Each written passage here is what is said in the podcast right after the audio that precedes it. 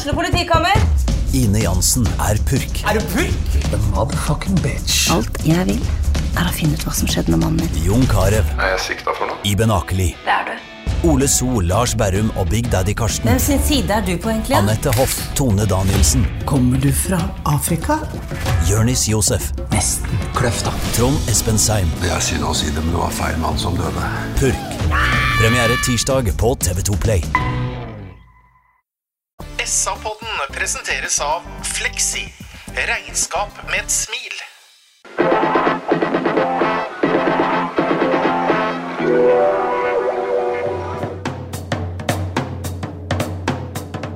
Sarpsborg Arbeiderblad gir deg en ny episode av SA-podden med Sven René Nygård, Øystein Weber, Petter Kalnes og Bjørn Inge Bingen Nilsen. Sola skinner, Sarpsborg vinner. Hjertelig velkommen til en ny episode av eh, SA-podden. God dag, Bjørn Inge Binge Nilsen. God dag. Hei sann. Halla. Sven René Nygaard, frisk og rask. Ja, ja, men det, det er naturlig. Ferdig med å starte ferie. Ja, det nærmer seg jo nå. Nå driver de og ringer meg litt fra TUI og sånn, og gir Ja. meg noen klare siste beskjeder, og jeg har henta solkremen og barbert brystkassa, og nå er det helt rått. Ja, da, endelig er det sommer i Norge. Da drar du til eh, Kanariøyene. Ja, men husk på at det blir regn på 17. mai, ja, men da kan jeg ringe hjem til deg. Da gjør jeg det. Velkommen til Øystein Weberg, ofte omtalt som det intellektuelle alibiet i SV-podden, men øh, nå er jeg ikke så sikker lenger. Jo, jo, jeg er skarp. Bare så det er klart. Jeg vil gjerne gi et par eksempler på hvor intelligent jeg faktisk er, eh, Petter. Eh, Første historie er egentlig litt sånn tilbake i tid. Eh, Jeg, har, eh, jeg hadde et 50-årslag en gang, for da blir jo det syv år 10-12 år siden. Ja, syv år siden. Det tror jeg til og med du husker deler av. Ja. Eh, når jeg skulle ut og rydde da dagen etterpå, så, så lå det igjen en mobiltelefon i det lokalet. Jeg har ikke lyst til å nevne hvem som eide den mobiltelefonen, men kan jo gi den et pseudonym, da, så kall det Pål Espen Hedin, da. Uh, og min umiddelbare tanke da, det er jo rett og slett ringe Pål Espen for å fortelle han da at uh, telefonen ligger på Bøndenes hus i Borge. Og det er klart, når jeg ringer da en meter ved siden av meg, så føler jeg meg ikke kjempehøy i hatten. Så kunne en jo tenkt seg da at han hadde lagt av seg de uvanene der. Men på vei ut fra stadionet i går, så kom hun Åse Aastorp til meg, og så sier hun at eh, han eh, gamle keeperlegenden Kolbjørn Nilsen har mista mobilen her på stadionet i dag. Kan ikke du ta dette her med Bingen? Og jeg gjør jo det. Jeg ringer jo Kolbjørns enbårne sønn, Ja. Bingen. Og, og sier rett og slett til Bingen at uh, jeg har kontroll på telefonen til far din, uh, Bingen. Men kan ikke du ringe faren din da for å berolige han litt i forhold til at jeg har funnet telefonen hans? Og jeg hørte jo med en gang hvor feil dette her var. Og Bingen kosa seg altså, når han fikk det spørsmålet, for da sier jo Bingen det som var riktig. da, naturligvis, At jeg kan jo ikke det, Øystein, sier han, for da ringer jo bare telefonen i lomma di. Og da skjønte jeg at det er ikke noe vei utenom her, eh, annet enn å bare Krype til Så det å bli, kan, kan du si, podens poddens intellektuelle alibi, det skal ikke mye til. Nei, det skal ikke mye til. Og jeg tror Bingen snart overtar den, den rollen der. Ja, da må jeg få være med også. Sånne feil gjør ikke jeg. Nei. Nei vel. Nei. Jo, Nei, nei det, det er jo Ja, da- Jeg har jo kanskje et par ganger da lett etter brillene, og så er de på panna og sånn. Men det har vel du òg? Vi er i godt humør fordi Sarpsborg 8 slo Brann 2-1 lørdag kveld. Det var en fotballdag Jeg skriver at det er en fotballdag som vi vil ha det, Bingen. Det, det var en deilig dag i Sarpsborg by. Ja, Det var jo en utrolig flott ramme rundt alt. Det var lørdagskamp. øh, Det var masse folk i byen før kampen. øh, Nesten 6000 mennesker på stadion. Nydelig spillevær, og det var jo Ja, det, det var jo ja, det, det, er, det var jo et Og så var det et brannlag som var hausa opp som eh, eh, topp en av topp tre-kandidatene nå i Eliteserien, og så tar vi dem 2-1. Bedre kan det ikke bli. Vi tar ytre rammene først, Øystein. Det faktum at øh, byen er full av Det var fint vær, så folk går jo til byen på en lørdag med fint vær, men det er ekstra mye folk når det er kamp. Det, det regnskapet i går øh, er sikkert ganske interessant for de som driver øh, næring i byen her. Ja, og ikke minst den langsiktige effekten av det osv. Arne Skei ville vel sagt at det var en fin dag for fotball. Det er jo helt fantastisk det som, eh, det som skjer i går. Alt er på en måte på stell. Det kommer et veldig bra antall med folk. Det koker i byen. Det er flott vær. Og jeg merker altså at det er, eh, det er en tenning i byen her nå i forhold til det som eh, skjer. Og eh, vi kan ikke få sagt ofte nok at eh, vi må nyte dette her, altså. Og så har vi jo snakka om Sven, at uh, toppnivået i det Sarpsborg 8-laget er skyhøyt. Spesielt offensivt. Nå har vi vært fryktelig gode defensivt òg, men det er mye lekte spillere her. Og vi fikk se mye bra angrepsfotball på lørdagskvelden. Ja, det var eh, For meg som elsker fotball, selvfølgelig, så var det her total underholdning i store deler av kampen. Og, og Bingen er jo inne på at de har blitt hunsa opp, men det Brannlaget er bra, vet du. Og dem slår vi 2-1.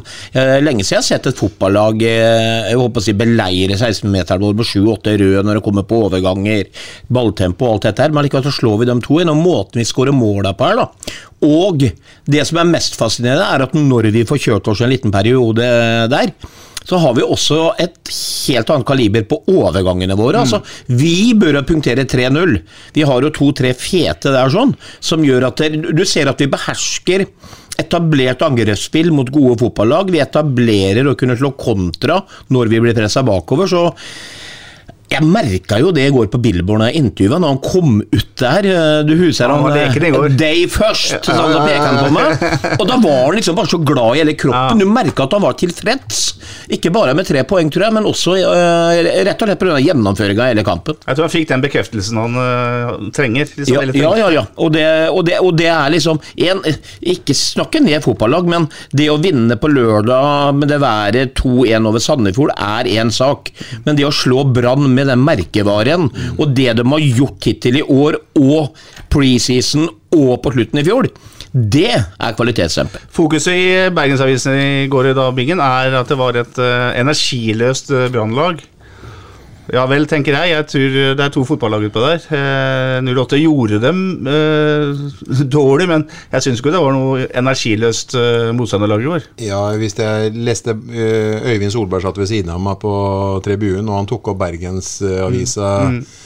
Og der, der, var jo, det var jo Skuffelsen var jo enorm. altså Det var fadese, mm. og det var ikke måte på til pause. Ja. Til pause så var det helt forferdelig. Mm. Mm.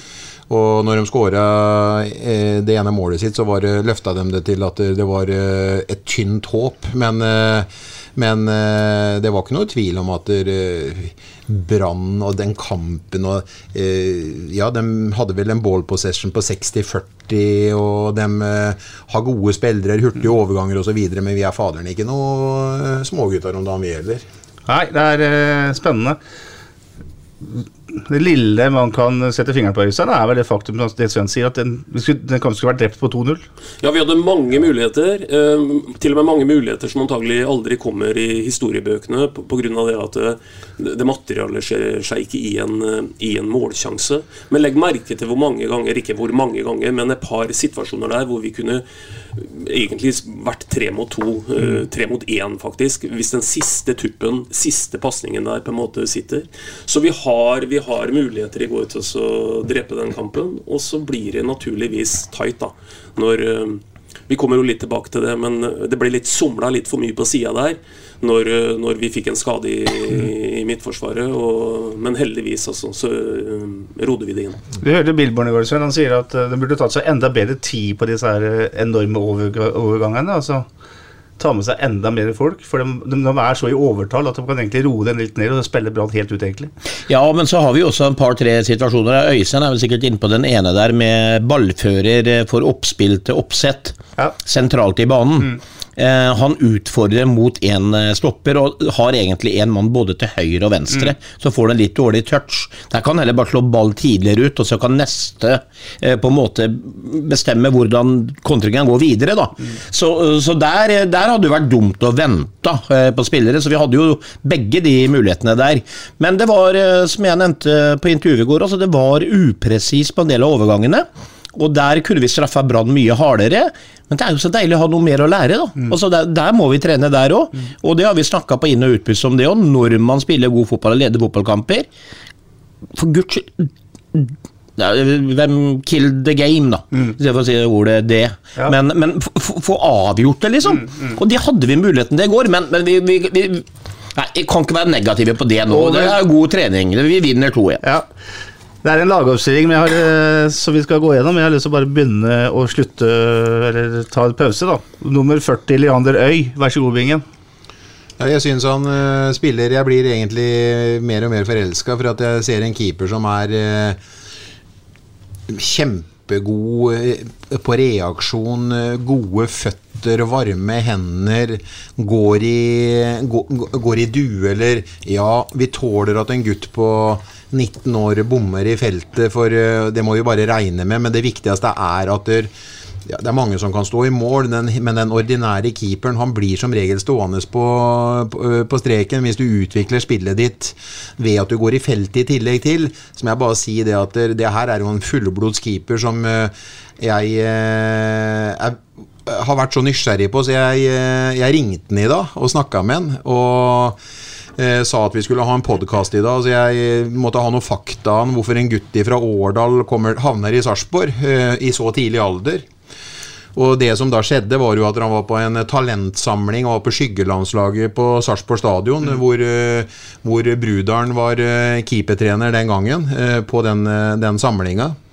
Og etter den samlinga så var det vel en vinter, og til påske så skrev han under og begynte på skole her i Sarpsborg. Så gutten kom hit da som 16-åring og har vært der som ung gutt og vært meget treningsvillig. Og Brudalen så potensialet. Det sa han til meg, du må nevne Brudalen, for han fortjener mm. virkelig skryten. Det er han som, som så meg, og han er grunnen til at jeg er i, i Sarpsborg. Og eh, han eh, hadde det fantastisk eh, godt her. og kjæreste og mye støtte i familien hennes oppe på Grålum. Han trivdes i byen. I går så hadde han besøk selvfølgelig da broren sin og farmora og farfaren, som var her og så på han i går, da mot Brann. Og det var jo en helt ellevill, ellevill kveld for han. Så han var, var kjempefornøyd, og han ja, han, stråler, han, stråler, og han er, han er, så god, så jeg måtte bare liksom ringe til henne og få noen fakta på hvorfor en så ung gutt er her, og det fikk mm. jeg. og han var... Eh, ja, Som Sven sa, du intervjua han i går, og han virka så skolert, og han var jo høfligheten sjøl og råskolert, så han må jeg bare ønske at der, faktisk så er det her eh, kontraktene går ut uh, etter den sesongen her, sånn, så her er det vel egentlig bare for uh, 08 å gjøre én ting, det er å signere Brennkvikk. Du bør ikke vente på noen ny sportssjef for å få signaturen hans. Det kan Raymond Fjell gjøre sjøl. Mm. Lars Sigmund Brudalen er altså bruderen, som han eh, Bingen sier. Ja, ja. Klubbkamerat av deg i Borgar, Øystein. Eh, det er jo artig å høre at en ung eh, keepertrener ser et kjempeungt emne, og så utvikler den. Ja da, dette er, jo, dette er jo selve definisjonen på en solskinnshistorie, dette her. Og, og, vi vet jo også at Leanderøy har vært åpen med at han har hatt eh, sine ting å slite med i tillegg. Så, mm. så er det én jeg unner all mulig suksess, altså, så er det han og eh, Det er som Bingen sier, det er jo rett og slett en kall til å bli glad i dette her. Og så er det hyggelig at han løfter fram. Eh, det sier noe om Leander Øy, det òg. Ja, ja. Så nei, det er, eh, det er, eh, fantastisk flott. Han sa til meg det, han trenger de superlativene han kan få, sa han. For mm. jeg hadde aldri vært der, hadde ikke vært for han. Det er bra. Ja, og, og, det som imponerer meg mest, men det er liksom, som jeg sier, altså, det er ikke altså, Åpna vel i går og si til en Du har ikke hoppa etter Wirkola, men du har hoppa etter Anders. Ja. Og, og, det er ikke noe selvfølgelighet å være så ung, spilt så mange viktige A-kamper, komme inn med den herre den roa, den, den, tryggheten, smil og munn, som Bingen sier, tør å gå ut i dueller, gjør kun én feil i går, et langskudd som man slår ut i corner som Anders sikkert hadde kunnet holdt, f.eks., hvis du legger opp til sånne ting.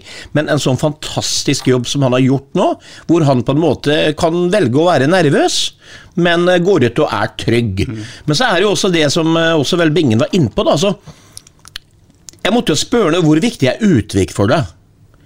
Han Hyller og Utvik og de andre. Han sier det at det er dem foran meg, foran meg. Han snakker fram lagkamerater, tar mindre kred sjøl omtrent. Jeg vet hva, det er liksom, det, det, Han er en sånne pakke av hel ved med null negative fortegn, egentlig, i mine øyne. Og så har han sikkert en kjempelang vei å gå, men som Bingen er innpå, selvfølgelig må han få utvikle seg videre i Sarpsborg. Ingen vits i at andre skal hente han. Så sitter vi og ser på sportssendingene på kvelden om et par år, så du dominerer i Odd eller andre steder. Få han på plass. Det, det Brann først og fremst skaper i går, er jo faktisk en rekke langskudd. Ja.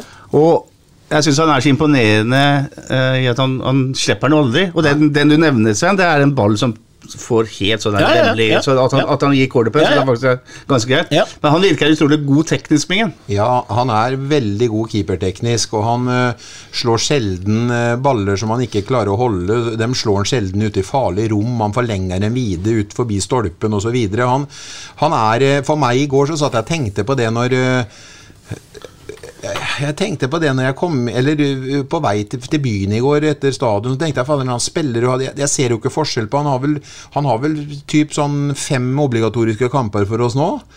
Og han øh, Eller seriekamper, da. Og han, du ser jo ikke forskjell på om han har spilt 100 eller øh, Eller i forhold til tryggheten i spillene, så kunne han fort ha spilt 100 eller 200 kamper, men det er fortsatt Det er en ung gutt på 19 år som virkelig har kommet inn og tatt steg, og folk Jeg vet folk har kommet bort til meg, de her tre kampene han har stått, og åssen går det her, og Ja, alle har jo vært usikre på det, bortsett fra gutten sjøl som går inn og så gjør ord til skamme og virkelig har han fikk jo noe applaus i går på stadion som bare det. Det her er, det her er, det her er veldig gøy.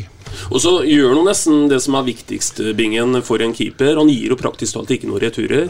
Så én ting er på en måte å redde det første skuddet, men det hjelper jo fint lite hvis du hadde slått den ut i farlig returrom Ja, hele ja, tida. ja. Men han gjør jo ikke det. ikke det. Så det er veldig Han imponerende. stuper, han er rask Ja, han er, vi har sagt det før, Petter. Han er hard i nøtta mentalt, den gutten der. Og, og Han stuper rått på I går, dere, på slutten av kampen, så har han For der sitter jeg det bak, bak målet ved fossefallet der, sånn.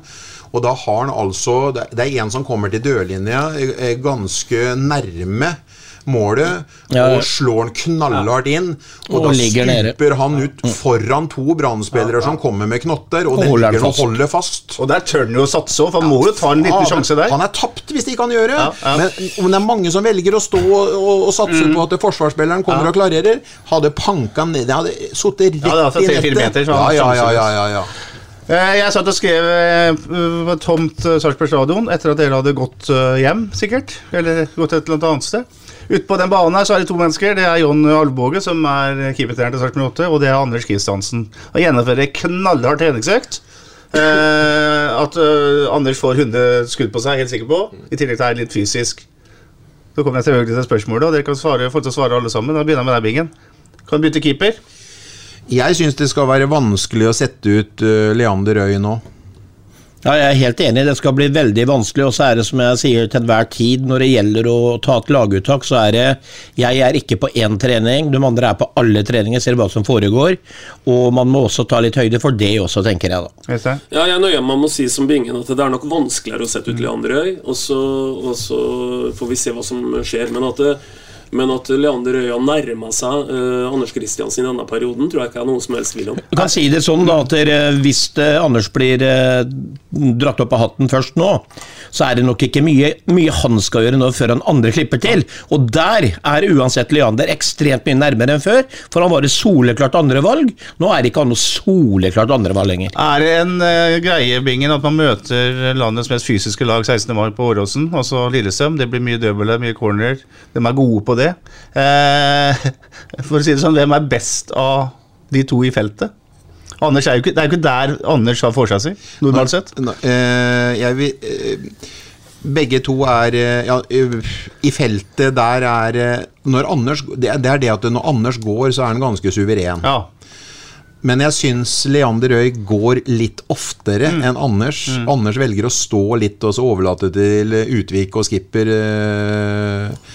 Så per nå så syns jeg liksom at den offensiviteten til Leander Øy, den, eh, den er ikke bare vill, men han er trygg i tillegg til, og det taler litt eh, Det, det, setter jeg litt pluss, plusser på i forhold til eh, uttaket mot Lillestrøm. Og så er du inne på noe veldig sentralt, for vi møter et hypervoksent fotballag på dødball til tirsdag. Og, og så ærlig må vi jo være at, at Og det gjelder ikke bare Leander, det gjelder jo i høyeste grad også Anders. I den grad liksom du setter noe minus i margen her, så går jo på det på, på type rekkevidde og, og fysisk høyde og sånne ting, og der er de jo ikke ulike hverandre på en måte i forhold til det. Så, så, så det er nok en vurdering som blir tatt, og, og en viss risikofaktor er i det. Og det tror jeg det er uansett hvem vi velger av dem to. da For det er klart at eh, vi vil merke til tirsdag at eh, det gjelder virkelig også å stå imot mot uh, dødballaget LSK. Øystein sier at Leander Øy er hard i netta. og så han er en uh, mentalt Han, han tør, Sven. Uh, Åråsen 16. mai er noe av det tøffeste du kan være, være på. Du kan si Lerkendal og Brann stadion kanskje, og Aker stadion i tillegg. Ja, Aspmyra, da. Men fysisk sett, og trøkk eh, Det blir fullt. Det er Lillesand-fansen er bra. Er du noe engstelig for at en 19-åring skal få litt uh, egg i buksa, som de sier i Spartanfri? Nei, jeg er ikke engstelig, men det er klart at det ligger nok sikkert i bakhodet i forhold til laguttak mm. osv. Men så tenker jeg liksom det at eh, nå sitter vi også og hyller Leander Øy her. Eh, Bingen hyller jo veldig, og det gjør vi også. Og jeg er helt enig. og for, å bli en enda bedre fotballkeeper, da, så kan du jo si det på motsatt. Han må jo kastes ut av de ulvene der òg, da. Ja. For presser han der òg, så er det kanskje ikke grenser for hva han eh, kan gjøre videre. Tenk deg at vi vinner 1-0 på Åråsen. Se nå, får jeg gåsehud, men jeg ser ikke lytterne. 1-0 på Åråsen. Feberredninger. Leander Øy er ute i feltet og bokser. Tar med seg huet til Adams, men får ikke frispark imot, osv. Tenk deg når han våkner opp til dømmeoverskriftene. Da blir grensene få for ham. Siste spørsmål om temabingen. Eh, hadde han eh, Leander Røy vært høyere indreløper, så tror jeg det hadde vært helt naturlig at han fortsatt fikk spille. Altså, men er det noen andre dynamikker i et fotballag når det gjelder keepere? Altså, Anders var jo soleklar i førstevalget. Eh, er skada, spiller seg inn på laget igjen, blir skada igjen. Og så kommer en guttunge og gjør det veldig bra. Er det sånn at han fortjener plassen, liksom? Uskreven lov, kanskje, at, på keepersiden at der, han Anders han eh, spilte seg aldri ut, han ble skada. Så liksom den skal være naturlig. Men når det drøyer sånn én og to og tre kamper, og vi har en som kommer inn og så løfter eh, spillet sitt uh, Usikkerheten var så stor, og mange spørsmålstegn. Og så går han inn og så gjør det ved den tryggheten, og så ja, på nesten kårer det i går til to, to, toppen, da, når vi mm. slår Brann hjemme. Mm. så ja, Det er nok litt mer usikkert om den uskrevne loven gjelder til tirsdag. Ja, men så er det ikke bare den uskrevne loven, tenker jeg, i forhold til det å være keeper. Altså, du nevner jo indreløper. Indreløper kan jo ha tre overganger og miste ballen tre ganger. Så rydder resten av laget opp for det. Så, så, en utespiller kan gjøre feil. Men så er det det her med en keeper når han slipper ballen under armen to ganger. Det får du ikke retta opp. Så, så, en keeper er og blir, ved siden av selvfølgelig Haaland i City, den viktigste spilleren. For hvis keeperen er borte, og ikke er med og ikke tar en ball, så taper du fotballkamper. En utespiller kan gjøre mange dårlige prestasjoner, men likevel så redde laget deg. ikke sant? Så det er, nok, det er nok eh, vanskeligere å ta ut på keeperplasser enn en indreløper. Ja, uansett, Leander ingen kan ta fra deg det du har gjort eh, de siste kampene i Sarpsborg 8. Meget, meget bra. Leander står altså i mål. Eirik Vikne spiller høyrebekk. Bjørn Inge Utvik er høyrestopper stopper. Anton Skipper venstrestopper. Joakim Soltvedt er venstreback. På midten så er det en uh, reunion mellom de to gamle ringerevene Jeppe Andersen og junior. Og så spiller Kristoffer Bonsuba til høyre, Mikkel Margot til venstre i angrepet. Viktor Torp er hengende spiss, og Ramón Pascal Lundqvist er toppspissen. Det betyr at Simon Tibling var satt ut av laget fra forrige gang. Vi må kan nok unngå å snakke om uh, Forsvaret også, for uh, jeg syns i går var en bra alle sammen. Og jeg har lyst til å snakke litt om Eirik Vikne. Nå gnistrer han igjen, Øystein. Ja, og, og, han har jo, som vi har sagt tusen ganger før, han har jo også noen forutsetninger som, som, gjør han til et veldig veldig spennende prosjekt, og det heter fart. Så han kommer seg jo ofte mm, tilbake i riktig posisjon hvis han mot formodning skulle være litt uh, ute av det.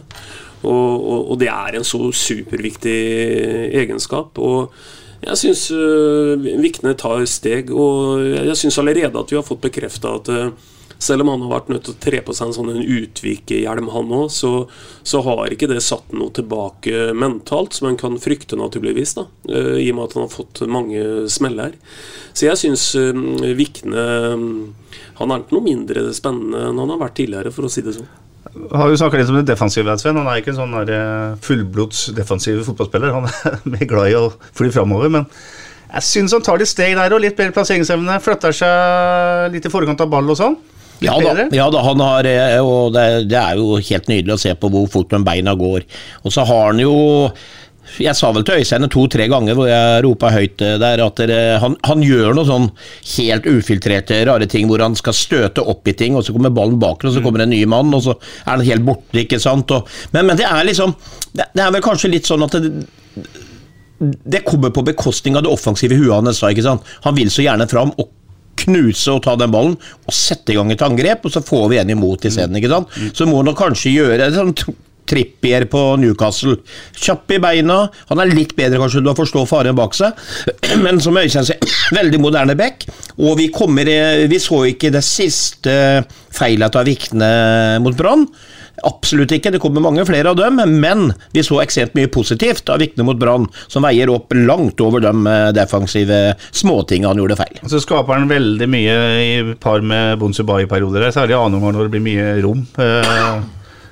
Eh, Bosuba er jo så spilleklok, og, og Vikne løper jo hver gang, så det, er jo et, det kan bli dynamitt av dem to der. Ja, nå, begynner det, nå, nå begynner det å, mm. å, klikke litt mer. Mm. Jeg synes vi kunne For et par kamper siden så satt vi oss nesten og snakka om at vi ønska at Bonsuba skulle dra inn, og Vikne skulle komme på overlapp uh, og få han, uh, få han på yttersida igjen.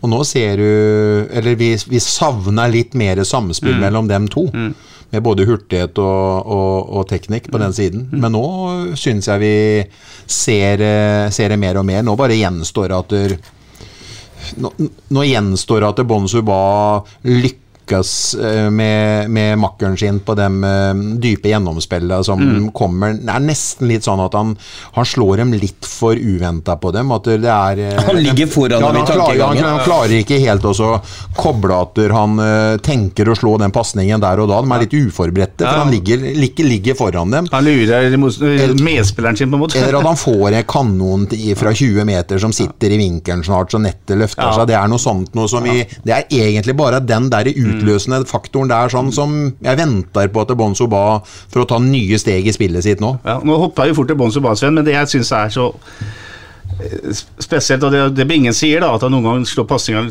at medspilleren er uforberedt, er at han slår jo pasningen midt i dragningen ofte. Altså, han, han, det ser ut som han fullfører, ikke sant. Altså, som du kan skyte i skuddet, som heter, da, så, så, så, slipper han ballen liksom på en helt spesiell måte. Ja, nei, han er, han er helt, helt ekstrem. Han er eh Altså, i, i, går så syns jeg liksom Han viser altså absolutt alt utenom én ting, og det er at det der ene skuddet i lengste hjørne ikke går inn. Ja. Eh, hadde det gått inn i tillegg der, sånn, så er han fremdragende defensivt i store perioder. Han løper mer enn nesten alle fotballspillere. De får ikke tak i han. Han slår crossere på 50 meter, som lander på lister hvor de åpner et helt forsvar. Han, nei, vet du, han, han gjør alt, og det var liksom det jeg spurte Billborn om i går også. liksom eh, hvor god kan han bli? Han kan bli mykket god, sier han liksom bare. Det var det han begynte med. Men det er jo som også sa til Billman, altså, altså, hadde jeg vært spiss på det laget der, så hadde jeg bare starta altså på skrå mm. mot Romanes. For du vet han finner det. Mm. Også, det er jo ingen andre som slår de pasningene der. Så nei, vet du hva det er altså, Nå skulle ikke Hundestad altfor mye opp, vi snakka litt om det tidligere, og sånt, men han, han tar jo steg på ting hele tida. Han lærer mønsteret sitt. Han har jo absolutt ikke en blasert eh, teknisk afrikansk fotballspiller som koser seg offensivt. Han gjør en møkkajobb mm. defensivt. Vet du hva, det er Det kan bli tidenes signering. Mm. Det er et uh, enormt uh, potensial der. Ja, Vi blir jo fora med noen detaljer her, og bare for å understreke det siste poenget som, eh, som Sven er inne på, at vi snakker ikke om noe primadonna så, så, så finnes det statistikk på i går at, eh, at uh, vellykka taklinger på Bon Suba det er 100 eh, faktisk. Mm, mm. Så den mannen der, han, han har mer i seg han enn bare å gjøre det egentlig alle på stadion vil se, da. Mm. Nemlig å blende med sin teknikk. Apropos taklinger, så er jo Jeppe Andersen og junior til stor grad på banen for å gjøre det. Eh, vi har vært kritiske til Jeppe Andersen, Bingen. Spesielt har du vært det. Eh, hva syns du om henne i går sammen med junior? Det virka som om uh, han løfta spillet sitt litt med en uh, kjent makker. Han uh, tok seg litt mer friheter, syns jeg. Men han har fortsatt litt å gå på i forhold til hva jeg tror er toppnivået hans. Mm. Men absolutt en verdifull spiller for oss i går. Mm. Jeg satt og tenkte på Sven, det er lenge siden jeg har sett Jeppe, liksom, tenkte jeg, og så så jeg litt på han. da ser de hva de gjør, altså. Mye jobb, og så mye enkle løsninger. Ja, men, men nå, skal ikke jeg være sånn overfor eh, lyttere på pod eller et eller annet, og jeg er ikke noe unikum innenfor fotball, men jeg kan en del fotball. Eh, og og det, det man ofte ikke ser, da, det er akkurat det du sier nå. Altså Det bevegelsesmønsteret til Jeppe går sammen med junior. Ja, kanskje ikke det var i en duell, ja, nei, kanskje ikke de fikk ballen, men hva er det de gjør? Altså Brann er så utrolig gode på å komme hurtig. De trenger rom, Brann. Men de skjærer av de rommene her. De gjør så at Petter Kalnes ikke tør å klå den ballen opp til Bård Finne, fordi at det der er Jeppe i veien. Og så Det er liksom alle de her pakkene der som gjør at junior og Jeppe er så viktige sammen. De kjenner hverandre ut og inn, som det ble sagt i media nå, los dere på SA. Og de, og de gjør arbeidsforholdene så ekstremt dårlige for motstander. Og det er jo derfor de er her. Og Der syns jeg begge to gjorde en fabelaktig jobb i går. Jeg må si det igjen. Juno ble bytta ut tidlig. Jeg håper ikke det er pga. noe fysisk eller skade. Men kjære alpakka, så glad jeg er for at han fortsatt har kommet. Ja, jeg tror han ble bytta ut en time fordi det er kamp igjen på tirsdag, rett og slett. Og han har jo vært borte lenge. Men uh, Bingen sier han er litt småforelska i Leander Øy, uh, Øystein. Jeg er stormforelska i junior. Jeg syns han er helt fenomenal. ja, det er jo nydelig at dere kommer ut av skapet begge to, gutter. Så det er uh... Er du forelska i noen uh, utenom Carola, Øystein? Ja, nei, men la den ligge, da. Men uh, jeg, jeg, kan, jeg, støtter deg i det, Petter. Det er, det er og, og, og, de gjør en kjempe, kjempe, kjempeviktig jobb, naturligvis alle lag trenger en, eh, trenger en, vaktmester på den måten der. Ja, og så setter de, eh, de slenger bekkene sine opp i angrepsveien, og junior eh, dekker opp. Ja, den bekken som ikke rekker hjem, den tar junior. Ja, Ferdig med det. det så da, har du, da, det er ikke så farlig vet du, å gå av gårde med pak heller. Og så er det én situasjon, det er i, i faktisk i første omgang, der Brann plutselig har skudd, en skuddsjanse på 14-15 meter. Det vil si det er en støttepasning, og så kommer et skudd. Og i den, den støttepasningen går, så slider junior ned. Blokk. Og når han da skyter, så er blokka allerede på plass. Ja, ja. Og da har, du, da har du forståelse for dette her, vet du. Det er, eh, ja, det er mange fine detaljer rundt, uh, rundt dette fotballaget nå. Uh, så syns jeg at uh, Viktor Torp, etter en litt sånn uh, bob-bob start, virkelig jobber seg inn i den rolla og blir mer og mer sentral. Og får en leken fyr i bingen. Ja, han, uh, han var jæklig uvøren med ballen på noen avslutninger, og det satt ikke helt for han i hele tatt. Det var liksom nesten litt sånn rart å se den ballsikre, skikkelige mm. typen mm. med det flotte skuddben og avslutningskvaliteten han har. Han surra ganske kraftig de første 20-25 minuttene med en to-tre involveringer, men eh, herregud, han bare Ja, han vokser. Jeg syns han, ja, han, han, liker det. Han er en god spiller. Mm. Og Hvis du ser hele kamper over ett, så vil jeg vel kanskje si at den som har et veldig høyt laveste nivå, det er Viktor Torp. Mm. Eh, jeg syns han jevnt over har prestert godt i hele, hele, år. Det er riktig som Bingen sier, at det er noen svakker her, men, men, men hvis vi ser eh, litt sånn kamper under ett så, så, så vet vi at Viktor Torp leverer, altså. Mm. Bra. Den eh, fotballkampen starter med at Sarpsborg eh, står høyt og vinner mye baller høyt i banen. Eh, det er gjenvinning, som det så fint heter. Etter fire minutter så er det Torp som treffer Pascal. Får ikke avslutta ordentlig. Men så går det en syv til ti minutter, Bingen, og så er det helt omvendt. Det er, unnskyld, Sven. Da er det helt omvendt. Da er det Brann som dominerer totalt i noen uh, minutter. Og så snur det litt sånn. Bing, uh, Billborn snakker litt om at det var lite midtbanespill, og han har jo litt rett i det. Enten så var man på en måte foran 08-mål, eller så var man i andre enden. Men det, det, er bare til å gå tilbake på TV2 Play det å se på Brann sine tidligere kamper mm. også. Altså, Det er som jeg sa til Øystein flere ganger.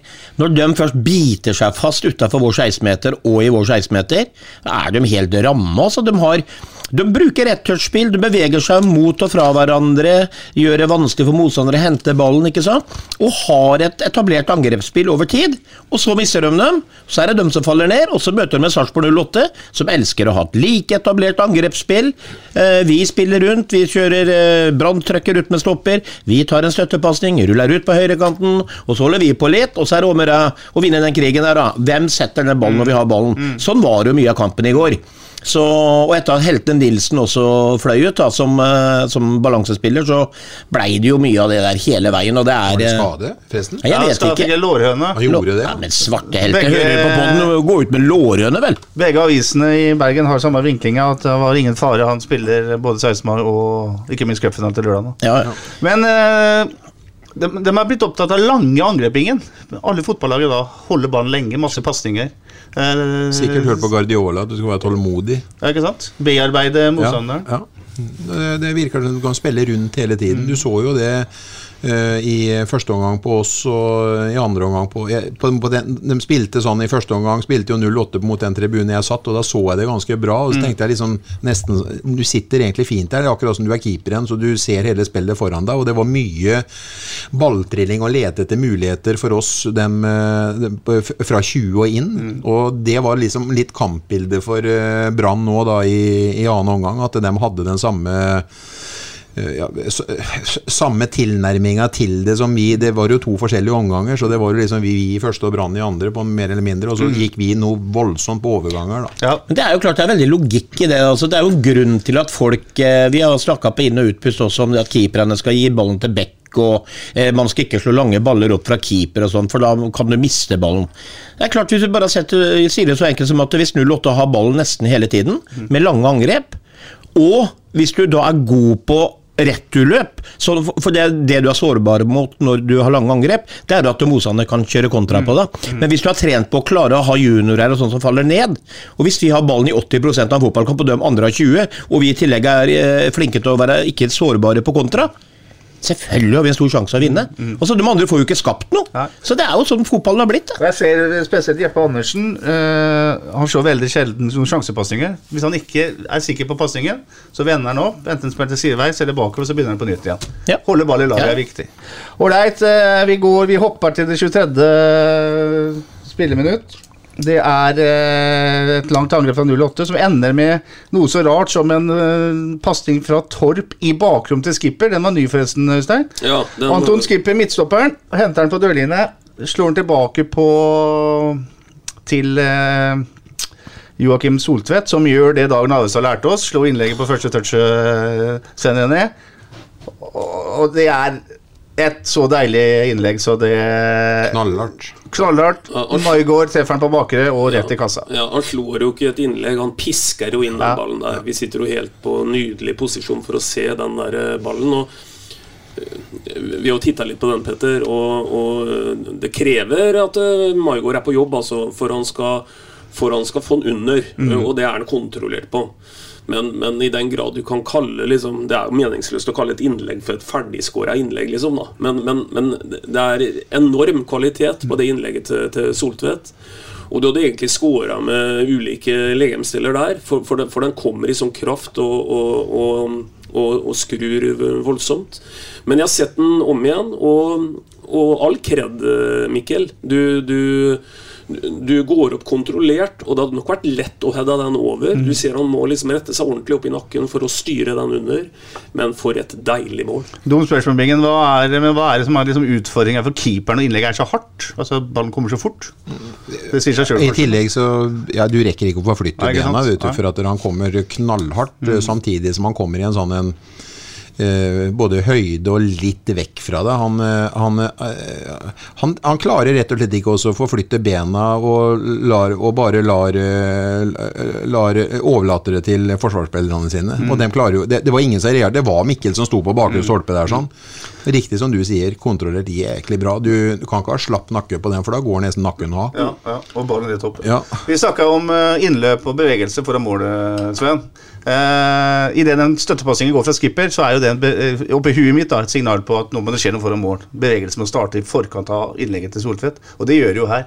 Han, eh, Mikkel han tar jo alle på liksom, overrumpler dem på bakke stolpe der. Ja, da, Mikkel Margaard er jo det, og vi jo også alle her sagt før, at han er jo fotballintelligent. Han, eh, han har mista mye muligheter i det siste, men han kommer til dem. Det er jo fordi at han vet hvor han skal havne hen.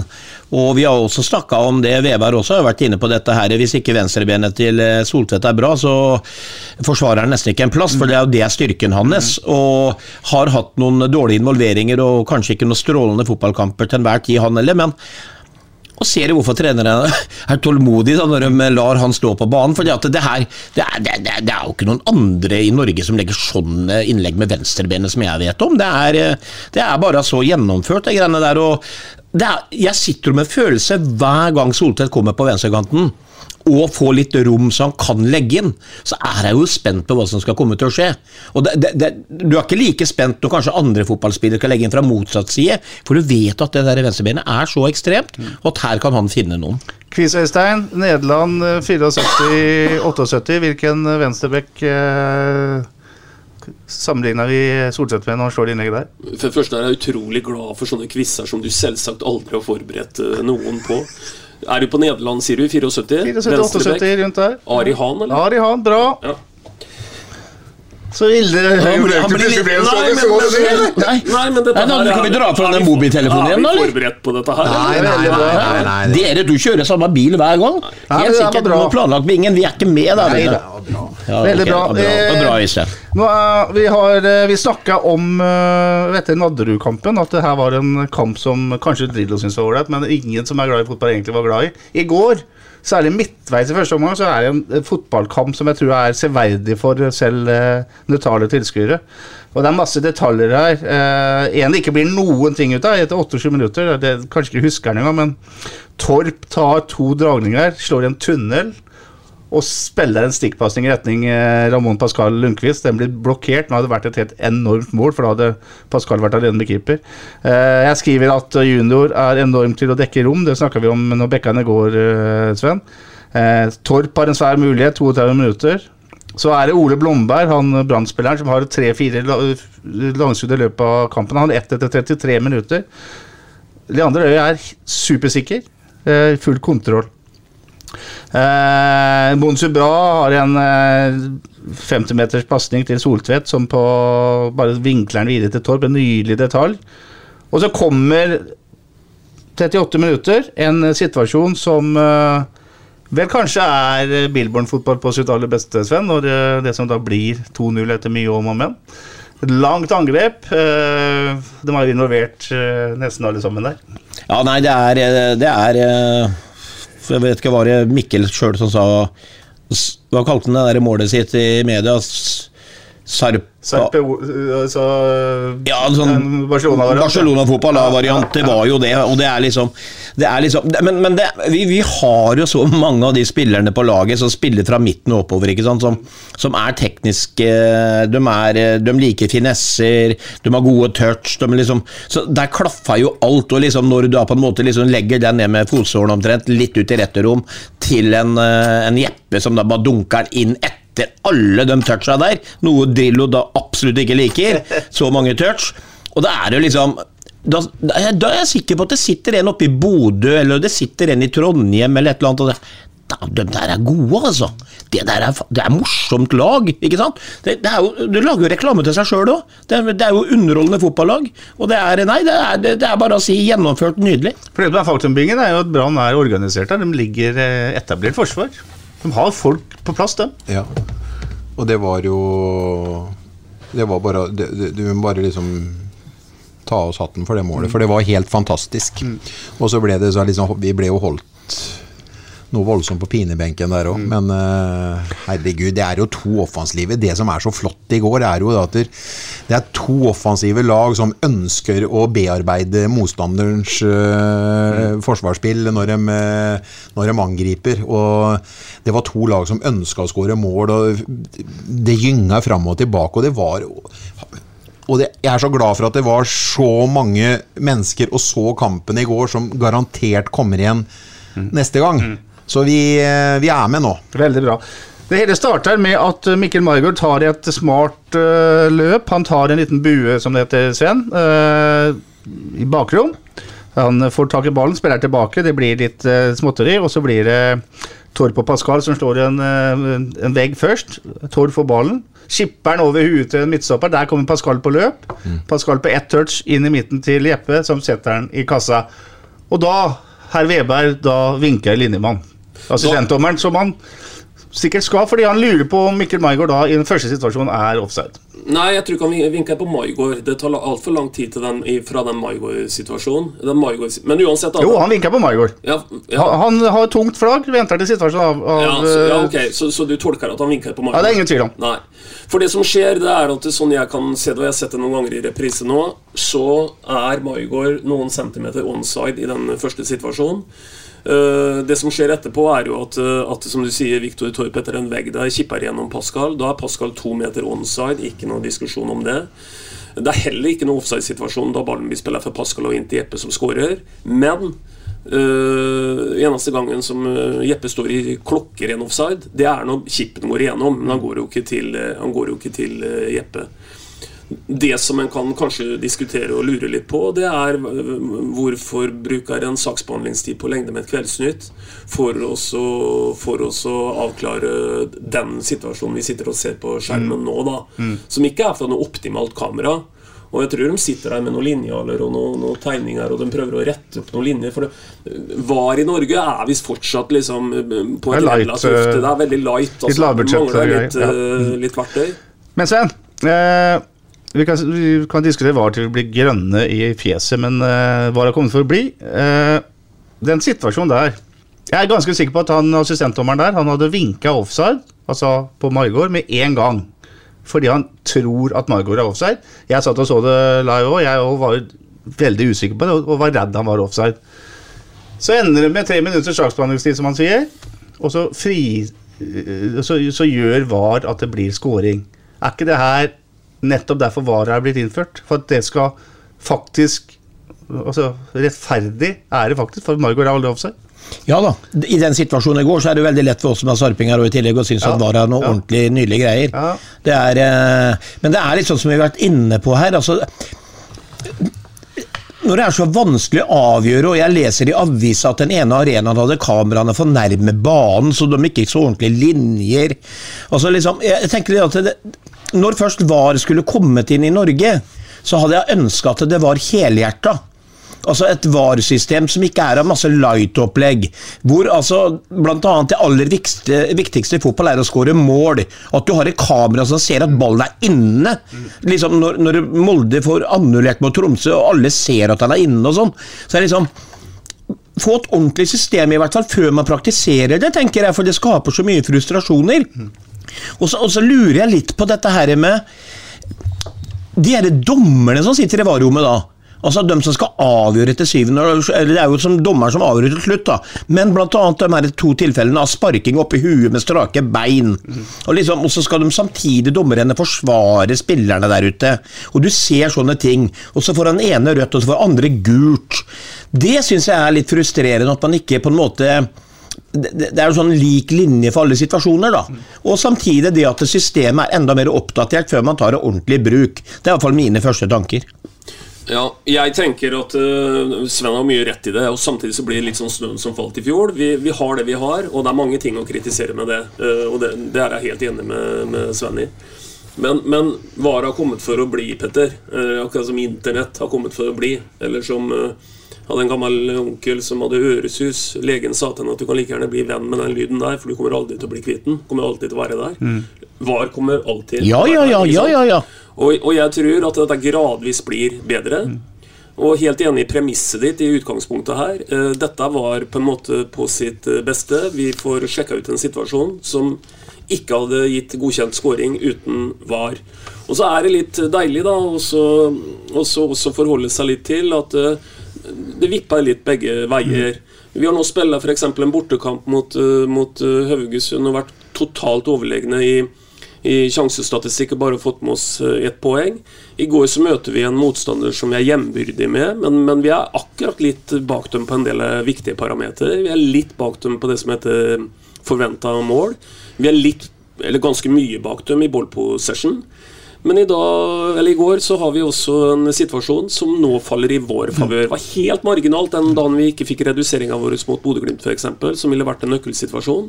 Nå hadde vi centimeterne på vår side, og jeg tror, tror den er helt korrekt. Ja, for uten VAR så hadde jo altså Ivar Berge Mjar fra Raufoss uh, idrettslag eh, dømt, eller vinka, offside der, det er jeg helt sikker på. Og da hadde du gått glipp av det fantastiske fotballmålet. Ja, og det må jeg jo si at det er det minst interessante med hele diskusjonen. Det er hvordan et menneskelig øye vinkler Ja, og ingen kunne tatt den, Nei, liksom, nei, nei, nei, slakta den for det. Nei, nei. Det er helt umulig å forvente at noen skal greie oss å ta for Vi sitter som sagt og ser på et frosset bilde her nå, og vi snakker om at Maigård er typ 20 cm onside. Ja. Jeg var ikke i tvil. Nei, nei, du, du har jo Så du målet? Så du kampen, da? Eh, kampen, eller første omgang, ender avsluttes med den der eh, blokkeringa til junior som vi snakka om i stad. Helt eh, vanvittig blokkering i det 47. spilleminutt. I pausa så blir eh, Hetle Nilsen tatt ut. Sivert Het- eh, Heltene Nilsen, som er eh, ja, mye av hjertet i det brannlaget. Bingen. Vi bruker ikke som regel mye tid på motstanderen, men han er sånn du vil ha med deg, men som du er forferdelig å ha mot deg. Ja. Bra at han gikk av. Han er en uh, jævla kødd å spille mot. Og så er han jo elska av sine supportere og hata av alle bortesupportere, men han er jo en uh, Han er en begrensa fotballspiller, men uh, blir du liksom sånn irriterende eh, god noen ganger. Det ser så greit ut. Han kommer ut med ballen i bena, og han er jo ikke noe sånn Han slår jo ikke noe han går ikke gjennom to ledd og gjennombrudd der, han. Altså, han slår dem sikre. Men- han erobrer og slår, han. Jeg syns det er så rart at fotballen har blitt annerledes enn før i tida, det vet jo alle, men altså, altså Jeg Var sier det, så- jeg, men jeg sier det samme som deg, Vingen. var alt var bedre før? Jo, men nei, nei, nei. Men du sier det, Vingen, han er en kødd utpå der, og det er han. Og så er han en jukser, i mine øyne, en del. Får med seg dommerne, prater med dem. I går så falt han som en sånn dau potetsekk når en bare var borti den. At ikke motstanderne at ikke, ja, nei, men De gjør jo det, jo. Ja, men potetene lever ikke, da, så Eh, Jo, At men ikke at- motstanderen blir forbanna på det. Jo, blir- men det at blir jo ikke en én tar opp kampen Nei, engang, da, gitt! Ikke Går Ja, men gå i krigen, da! Han vil jo bli sparka ned og bli rødt kort. Det ja, men det han- spark den ordentlig ned, da, så er- bytter det uansett. Da blir jeg irritert. Det er, Nei, ja, nei, ja, ja, ja, nei, åh, ja, nei. Viser det er sånn Simon Larsen Det var primitivt, Øystein, Simon du skal si. Larsen fra Skjeberg Sport sa til meg i går på tribunen at ikke én ofrer seg Ja, ja, ja. ordentlig på han Ja, én i én Tenk deg Raivar Halvorsen, hvis du hører på, du har sett på han der, så hadde vel han havna på fjerde rad. Da hadde ikke hatt kne, hadde ikke hatt lårhøne, da hadde han hatt benbrudd. 47 minutter så kommer en situasjon der vi får et par kamper siden Nei, det var mot ja, Haugesund-kampen snakka om at uh, Fardal Opseth ikke var alene med keeper. Ikke brøt inn mot høyre for å komme foran. Ja, ja, ja.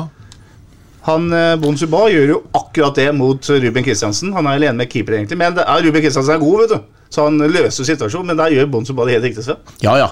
Men uh, du var jo, sa jo også det at det er Ruben Kristiansen jeg, han, herregud, han blir bare bedre og bedre han, når han når han er født til 65, 70 Ja, 70. Han faller den inn. Ja, ja, balleren min. Nei, men, men, men han, han, han er så rutinert, han er så god. Og så tenker jeg Bonzo han, han, han fløy så mye i forkant der og er overalt, og så får han den. Så drar han med seg ballen, og så har han 40 meter løp i full spurt. ja. Altså, det, er, det er liksom Ja, han er god, men altså, han har ikke full tank hele tida. Så det bena begynte vel kanskje å gå litt saktere på slutten der, og det er ikke noe rart i. Hadde han jo 30 meter igjen til mål, så Ja. Det blei jo vanskelig for, da. Ja, ja, ja da, men han gjør ting riktig. Eh, her er vi rundt 50-55 minutter, så er 08 veldig dype. Her kommer et uh, farlig innlegg, det du nevnte i stad, Bingen. 55. minutt, der Leander kaster seg ut og bryter ballbanen. Meget bra spill. Og her har ikke Sarpsborg mye ball. Uh, 60 minutter er spilt da Christian Fardal Opseth erstatter eh, junior. Viktor Torp blir satt ned på benken. Junior går av på kortlinja i på Fossefallet. Takker Fossefallet. Tar fire ballgutter ah, ja. på- som til sammen er eh, 38 år eh, i handa, Øystein. Dem, de, de, har ikke vaska seg, eh, sannsynligvis. Nå kan du komme ut av skapet, Øystein. Og Ja, nei, men altså, de guttene der og jentene der, de kommer tilbake, vet du. Ikke sant? Altså, vi andre vi snakker jo om at vi husker ting fra barndommen hvor, hvor eh, ja, som er betydelig mindre skjellsettende enn dette her. Det er klart dette her er jo et høydepunkt de kommer til å snakke om resten av livet. Og Junior beviser jo igjen at det er en sosialt intelligent gutt vi snakker om. Ja, bra. Junior eh, er eh, blir utrolig viktig også på Åråsen til, til tirsdag. Eh, 67 minutter, et enormt angrep. En overgang. Torp er involvert. Eh, Bonsuba selvfølgelig. Vikne kommer som en kule. Slår et flatt innlegg. eh, Ikke 45 grader ut, men skal vi si 34,5 grad ut Til Pascal. til Pascal. Tverrligger. Nesten litt skuffa over Pascal at de kan få den tverrliggeren, Bingen.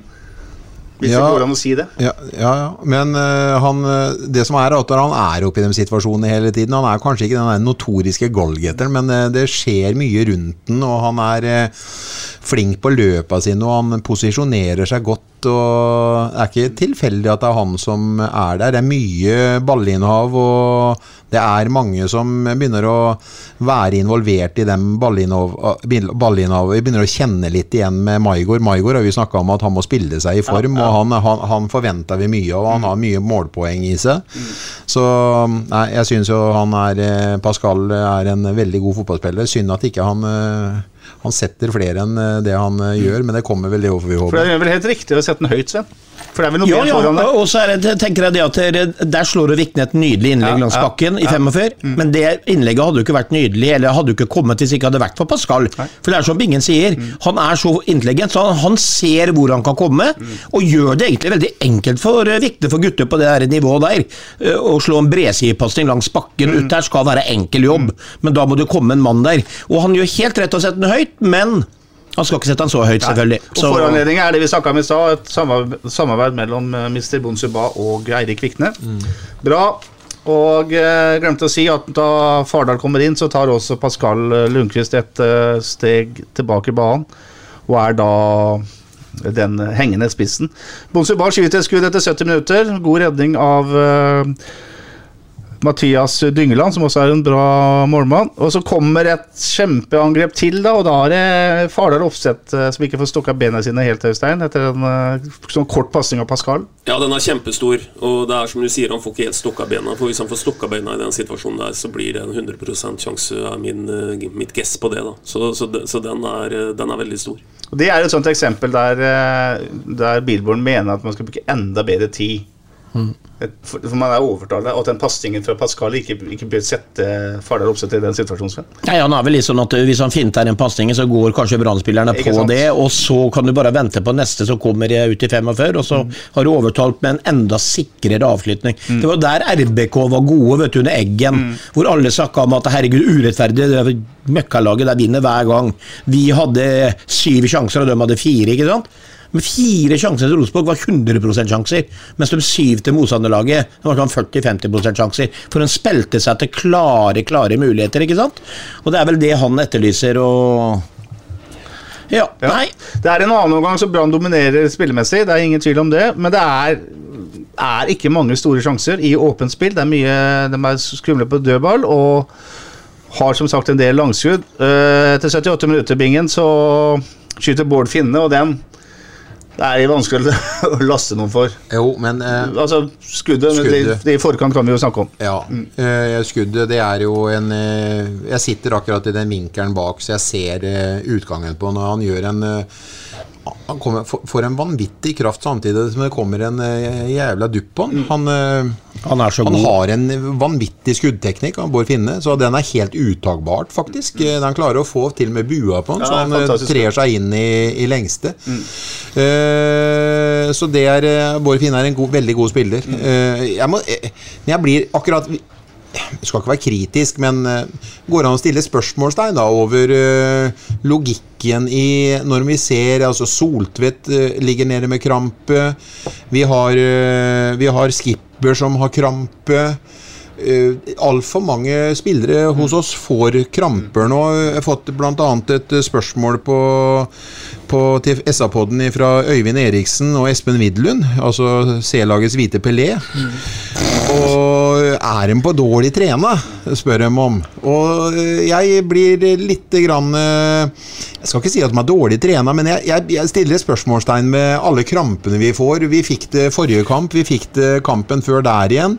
Eh, Vi, vi blir veldig påvirka. Brann løp like mye som oss i går, dem, altså, men jeg syns motstanderens lag ikke blir så påvirka av at vi blir slitne mot slutten av kampene, som det vi Men det kan ha vært blir. litt rutine på et par av dem der i går, Jo, tenker jeg, som ville at tida skulle gå litt opp. Anton Skipper, han gjør Jeg skal ikke si Ja, det han grunn- krampe. Jeg, jeg synes, jeg, Det er rart og på bekost, Om det er på bekostning av pasninga, så gjør jo han en forferdelig et pasningsvalg som egentlig ingen skjønner. Nei, det er klareringbbingen som går i Treffer ikke ballen ordentlig Han treffer jo ballen helt feil, stakkar, på klarering. Jeg så ikke at han traff en feil. Jeg. Jeg Nei, jo da, han skal bare klarere. Det er absolutt det siste som han rekker. Er det, er det da en Rett konsekvens, er det en konsekvens av at han ak krampa sitter der. For at da går det akkurat når de skal ta avspark, da, så, når, før de skal ta avspark, så kommer høyden Ja, men han Høyland inn. halter før Da den klareringa klareringen der. Da går Finne ut. Ja. Men den, vel, Øystein Kunne man bytta før? ja, Han skulle jo aldri vært på banen. Ballen Ja, Selvsagt skulle han ha bytta før. Ja. Eh, Det er jo ikke noe å lure på det, Binge. Ja, du, du, nå er jo du så tam som en sånn en pusekatt i forhold til hvordan du pleier å være. Det er klart de skulle ha bytta før.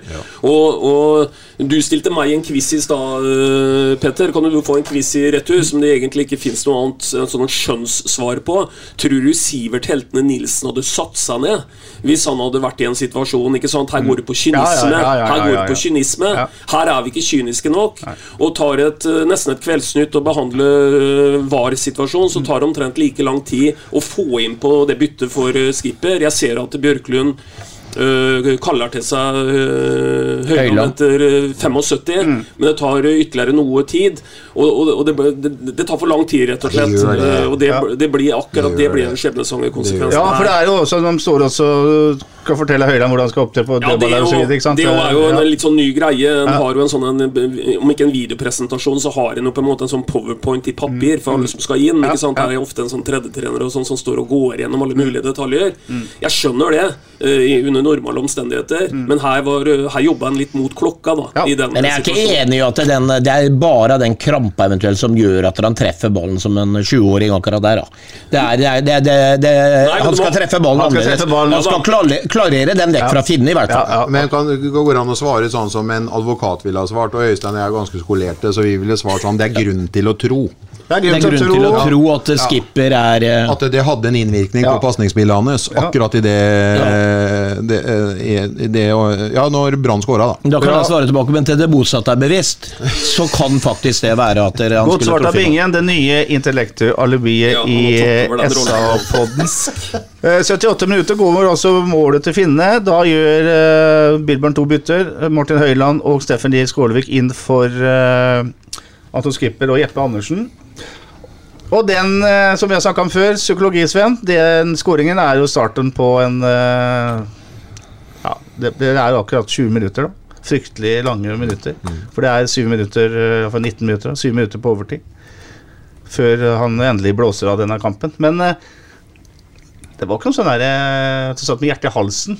Nei, det, det er som jeg sier. Også, de har jo jobba på treningsfeltet, han Billborn og Bjørklund og alle de andre trenerne. Er, jeg spurte jo han om det etter kampen i går, liksom, i forhold til den defensive tryggheten som vi ikke har vært i nærheten av tidligere. Eh, hvor vi satt og gnidde oss i huet med slapp inn mål i bøtter og spann. Hvor vi nå nesten er umulig å skåre på, nesten ikke har sluppet inn mål tross alt i år. Så har de fått inn en veldig trygghet. De de har eh, gode avstander fra hverandre. Eh, De har truffet med den defensive organiseringa i midtbaneleddet, ikke minst. For, det handler jo det om at der gikk vi jo tomme, og der eh, var de dårlige. Altså, jeg tror faktisk vi har blitt styrka defensivt med Bodsibao. Altså, han er så mye på rett side. og der var det pip åpent før i perioder, men han er jo med og bidrar der også. De har gjort en fantastisk jobb på den defensive organiseringa. Ja, det går litt på bekostning av offensive. Sånn er fotballen. Skal du legge mange i forsvar, så får du færre der oppe. Men de har en fin balanse nå, da, som er mye tryggere og bedre enn hva før. For vi tåler å skåre litt mindre mål, men du slipper inn så mange mindre, så blir det den sluttresultatet her positivt til slutt. Ja, jeg eh, tenker som, eh, som Sven sier, og jeg tenker også sånn at eh, jeg hadde forventa et mye tøffere trøkk mot slutten. Ja. Eh, alle de psykologiske faktorene ligger til rette for det. Vi har sett det tusen ganger i fotballhistorien. Du får en, en redusering, og du får blod på tann, og du forventa et slags powerplay mot slutten. Det powerplayet det kom aldri, sånn eh, i ordets rette forstand. Så, så hjertet i halsen det hadde jeg i hvert fall ikke sånn konstant. På ingen måte. Nei. Det var sjette kampen, Bingen. Ni poeng. I dag er det eneste ikke har nevnt, er Utvik, eller? Ja, men han bør vi ikke snakke om. Han trenger ikke det er, eh, Bør ikke prate mer om han gjør, han er best, han. Han er helt seriøs, vi kunne brukt en halvtime på han nå. For Ja, han er, ja, det er- er, eh, helt fenomenalt bra. herregud. Ja, helt fenomenalt bra. Ja, overalt, ja. Er du fornøyd med ni poeng på seks kamper? Ja, jeg, jeg må jo si Når jeg ser, jeg ser vi har tapt én på seks, det er jeg enda mer fornøyd med. Så kunne vi vel kanskje hatt litt uh, flere mål, men uh, vi spiller jo bunnsolid, så jeg, jeg er fornøyd. Og så må vi se litt på motstander òg. Fornøyd.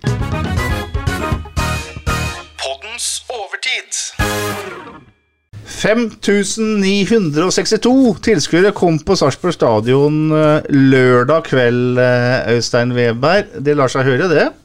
Det lar seg absolutt høre, og jeg er egentlig litt sånn på høy tid synes jeg nå at vi løfter frem dette her med publikum og hvordan vi bygger, bygger, bygger, bygger, bygger fotballkultur her i byen på en positiv måte. For det gjør vi nemlig. Eh, eh, en av de store um, supporterne vi har til podden, eh, Petter, jeg vet jeg nesten spydde hver gang jeg brukte ordet 'historieløs', så da bruker jeg det en gang til. Jeg. Ja. Vi blir fort historieløse. Mm. for å dra litt sånn lange linjer på det, så skal vi huske på én ting, og det er at etter at vi kom tilbake til Eliteserien etter en gjesteopptreden med Roar Johansen, så spilte vi hele 13, hele 14, hele 15 og hele 16. Fire hele eliteseriesesonger uten å greie å ha et snitt på 4000 mennesker på stadion. Eh, Vi er, vi er betydelig forbi dette her nå. Vi har et snitt hittil i år, selv om det er veldig tidlig å snakke om snitt. da Og vi har møtt eh, et par magneter òg, publikumsmagneter. Men vi har et snitt på 5007. Hadde det stått seg, så er det all time high. Vi har det beste tallet mot Brann ever. Aldri kommet 5962 mennesker mot eh, Brann. Den nest beste var 57 omtrent. Og det er i hele tatt veldig, veldig mye, mye positivt uh, som skjer. Så, så det syns jeg at vi skal liksom understreke. Jeg skal bare ta et lite sånne nerdetall til. I går så spilla Sarpsborg sin 168. hjemmekamp eh, i eliteseriehistoria. Og for å være helt sånn på nerderen, så har 96,42% av alle kamper hatt dårligere besøk enn det vi så nå i går. Så dette er helt sånn topp, topp, topp. Det er sjetteplass, for å være helt eh, nøyaktig. Og, og det må vi liksom holde litt fast i. Så Bingen, bare dette her får satt seg over enda litt mer tid. ikke sant? Vi levde 40 år i skyggenes dal, vi må ikke glemme det. Vi er i ferd med å bygge opp en helt ny generasjon. Snart så kommer generasjonen etter generasjonen, og snart så begynner dette her å sette seg veldig.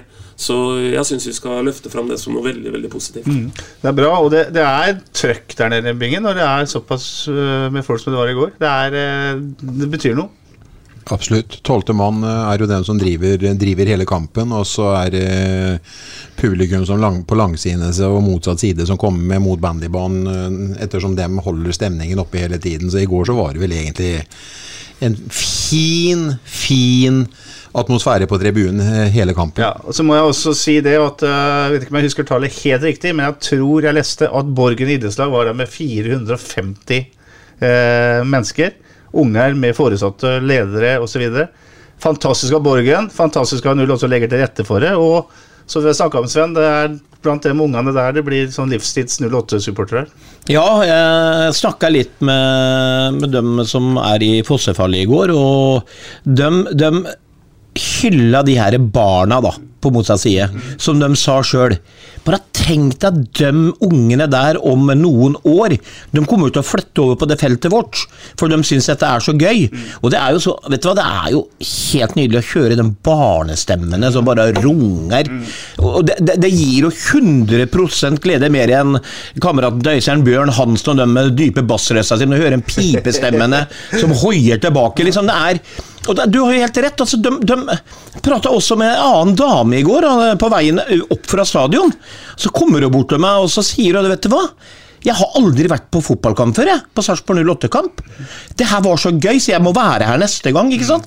Det er liksom sånn som skaper den gleden. Og det er jo den bivirkningen av den eh, fotballkultur da, som vi på en måte bygger for hver dag, som Øystein var inne på. Så nei, vet du det her er så spennende og Nei, det er, det er nydelig om dagen. Det er gøy. Nå har jo både Glimt vært der og eh, Brann, attraktive motstander, eh, Øystein, og Odd. Eh, nå begynner jobben da med å få, få publikum til å komme også mot f.eks. Ålesund hjemme neste gang. Ja da, og, og den jobben den må alltid gjøres, den. Og vi må være forberedt på at du det får noen dipper og sånn i forhold til de tallene vi har sett i to av tre hjemmekamper osv. Men, men, men jeg syns det er likevel viktig å liksom se de store linjene. Og de store linjene har en trendlinje som bare peker oppover, oppover, oppover. Så, så vi må bare ha litt tålmodighet. Det tar tid å bygge eh, tribunekultur og fotballkultur i en by som uh, altfor lenge var ute av det gode selskapet. Men nå var Alex Klausen Nå var han offensiv igjen eh, inn mot eh, kamp. Nå var det mye oppdateringer hele tiden. Moro. Ja, bra. Bra jobba alle sammen på både tribune og banen. Det var en herlig fotballhelg. Vi skal se framover mot uh, fotballens festdag i Norge, 16. mai. Da skal Sarpsborg 8 til Åråsen. Og det er tøffe tak. Uh, men vi må først sjekke hvordan uh, tippinga gikk. Eller ja, det er jo tipping vi driver med. Ja, trenger nesten ikke å sjekke det, for det var jo ingen som hadde rett denne gangen heller. Det er jo sånn det er. Binge var nærmest, vel? Ja, nærmest nå kan du diskutere. Sven og jeg hadde tre igjen. Ja. Og Bingen hadde 2-0. Ja. Så da kan vi si at det var uavgjort her. Den som kom definitivt dårligst ut av det, det var nyhetsredaktøren. Han uh, strakk seg men- ikke lenger enn til uavgjort. Nei, men jeg akkurat som du sa forrige gang 1-1, vet du. Da, var jeg, da mente du at du var nærmest. Ja, men nå- Men jeg har vært nærme hver gang, jeg. Ja, da, Sven har ikke noe greie på det. Men, men det vi kan være tydelige på Og så skal jeg bare kaste inn en liten sånn en, eh, faktor som jeg tror kan ha litt betydning til tirsdag. Til tirsdag så har eh, Lillestrøm hodet sitt på lørdagen. De spiller en cupfinale til lørdagen, og, og jeg tror også noen av Brann-spillerne kanskje til og med hadde det i går, men jeg tror den er enda større den faktoren nå til tirsdag. For alle vet at, eh, at eh, den enkleste veien til Europa, og i hvert fall når du står foran en cupfinale, det er å vinne den konkrete kampen ja. til lørdagen. Så jeg tror at Lillestrøm kommer aldri til å innrømme det, dem da, men jeg tror at de faktisk kommer til å senke seg en liten prosent. Det er det som gir oss en åpning til å skape et resultat på Åråsen. Og jeg tror faktisk at resultatet der blir 1-2. 1-2. Eh, diskusjonen i Brann, eller Bergen, i dag er nettopp det vi snakker om der. Eh, det, er, det, det var en som sa, jeg husker ikke hvem det var, som mente at eh, Brann i hjemmekampen eh, tirsdag bør stille med B-laget for å være best forberedt til cupfinale. Uh, Jesper Mathisen mener det er helt sinnssykt å ikke stille med det absolutt toppa laget du kan 16. mai hjemmebane mot uh, husker jeg hvem de har i gang. Men det er klart at Stabæk. Stabæk, ja. Det spørs jo hvor de har huene sine nå, altså. Ja ja, det er jo hoppet i Wirkola det, vet du. Kom etter fotballpsykologen eh, Weber, som har eh, Fotballpsykolog, ja, ja. faktisk. Ja, ja. Nå er det det, vet du, når du snakker om hvile spillere eller de har knept ned eller noe sånt. Nei da, selvfølgelig han kan ha rett i det. Det er, det er mange som eh, Men jeg, ser- nå er jo ikke 08-finalen, men det er liksom, jeg føler det er cupfinale. Hva er det for noe greier, liksom? Det er en ordentlig cupfinale, skal gå i desember. Men du skal ha resultat, du, antakeligvis. Ja. ja, det er ganske enkelt. Jeg blir ikke tre poeng ut her, jeg blir 1-1. Ja, Bra, Binge 1. 0-2. 0-2, ja. 2-0 til Sarpsborg. Ja. Jeg er eh, litt på bølgelengde med Hansen. Hadde tenkt å si 2-2. Og sier 2-2. Eh, Den kampen spilles klokken 18. Vi er eh, ute med en podkast sånn litt utover kvelden på 16. mai. Da vil Sven René Nygaard glimre med sitt fravær, for da sitter du på Granka, Sven. Det blir bra. God tur. Ja, en time tilbake, takk for det. Da ser jeg kampen klokken 17.00 på Granka. Husk på å rekke det, da. Og ikke si klokka seks, for da går du glipp av første omgang. Nei, det jeg, jeg har jo full kontroll. Jeg har jo vært på tur flere ganger. jeg. Ja. Får jeg bare eh, stille Sven et eh, reisespørsmål da, når han skal ut i den store verden igjen. Eh, Det er veldig ålreit, Sven, for da kan du fortelle litt om åssen det er der ute. og Du skal jo til det der svære landet Syden. Men til onsdag så er det jo 17. mai. Hvordan, har- skal du feire det der nede? Har du med deg et lite flagg? Har du strøket skjorta? Eh, Eller, eller bare tar du og tenker at eh, vi blåser i hele 17. mai? Nei, altså jeg har jo tenkt på det, men jeg har ikke tatt med noen spesielle klær. Men det er en sånn norsk eh, pub der nede, hvor jeg vet de driver og maler litt norske flagg på kropper og sånn. Så det blir jo litt sånn som, som den her filmen, hva heter den der lange, flate baller? Så det er, i stedet for at det står liksom Norge der, så står det bare norske flagget på posen. Det blir Ikke for, å, ikke for å fornærme Sven, men når jeg ser på kroppen din, Sven så Ja, det blir svært flagg. Ja, Jeg tenker det er plass til parflagg. jeg. Nei, vi tar ett stort. Jeg ønsker deg en Hva- god tur. Og Takk, Petter. Det er jo helt Podkast på håpløst.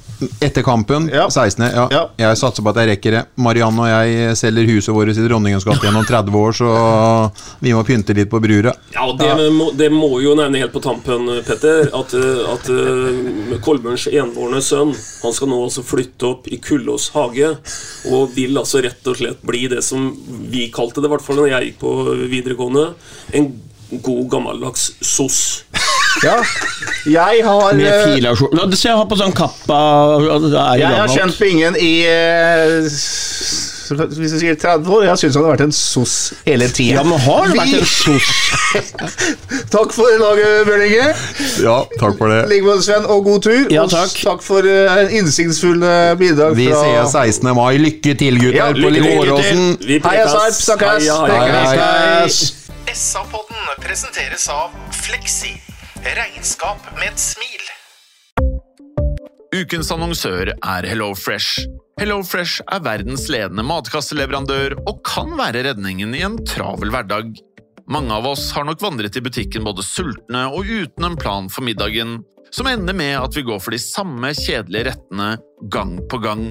Middag burde være dagens høydepunkt. Som HelloFresh kan du nå velge mellom 25 ulike retter hver eneste uke, eller få HelloFresh til å sette sammen menyen for deg. Dette gir deg muligheten til å prøve nye og spennende retter alene eller sammen med familien. Du velger antall porsjoner og får alt levert på døren på et tidspunkt som passer for deg. Oppskriftene er enkle, og maten er lett å lage både for store og for små. Ved å få alt levert hjem får du også mer tid til å dele matgleden med familie og venner. Kanskje det frister med asiatiske tacos eller greskinspirert kylling? Da kan jeg anbefale deg om å gå inn på hellofresh.no. Her kan du bruke koden FOTBALL og få opptil 1779 kroner i rabatt på de første fem matkastene hvis du ikke har prøvd HelloFresh tidligere. Du kan også bruke rabatten hvis du har vært kunde og stoppet abonnementet ditt for tolv måneder siden eller lengre. Gå inn på hellofresh.no og bruk koden FOTBALL. Har du et enkeltpersonforetak eller en liten bedrift? Da er du sikkert lei av å høre meg snakke om hvor enkelt det er med kvitteringer og bilag i fiken, så vi eh, gir oss her, vi. Fordi vi liker enkelt.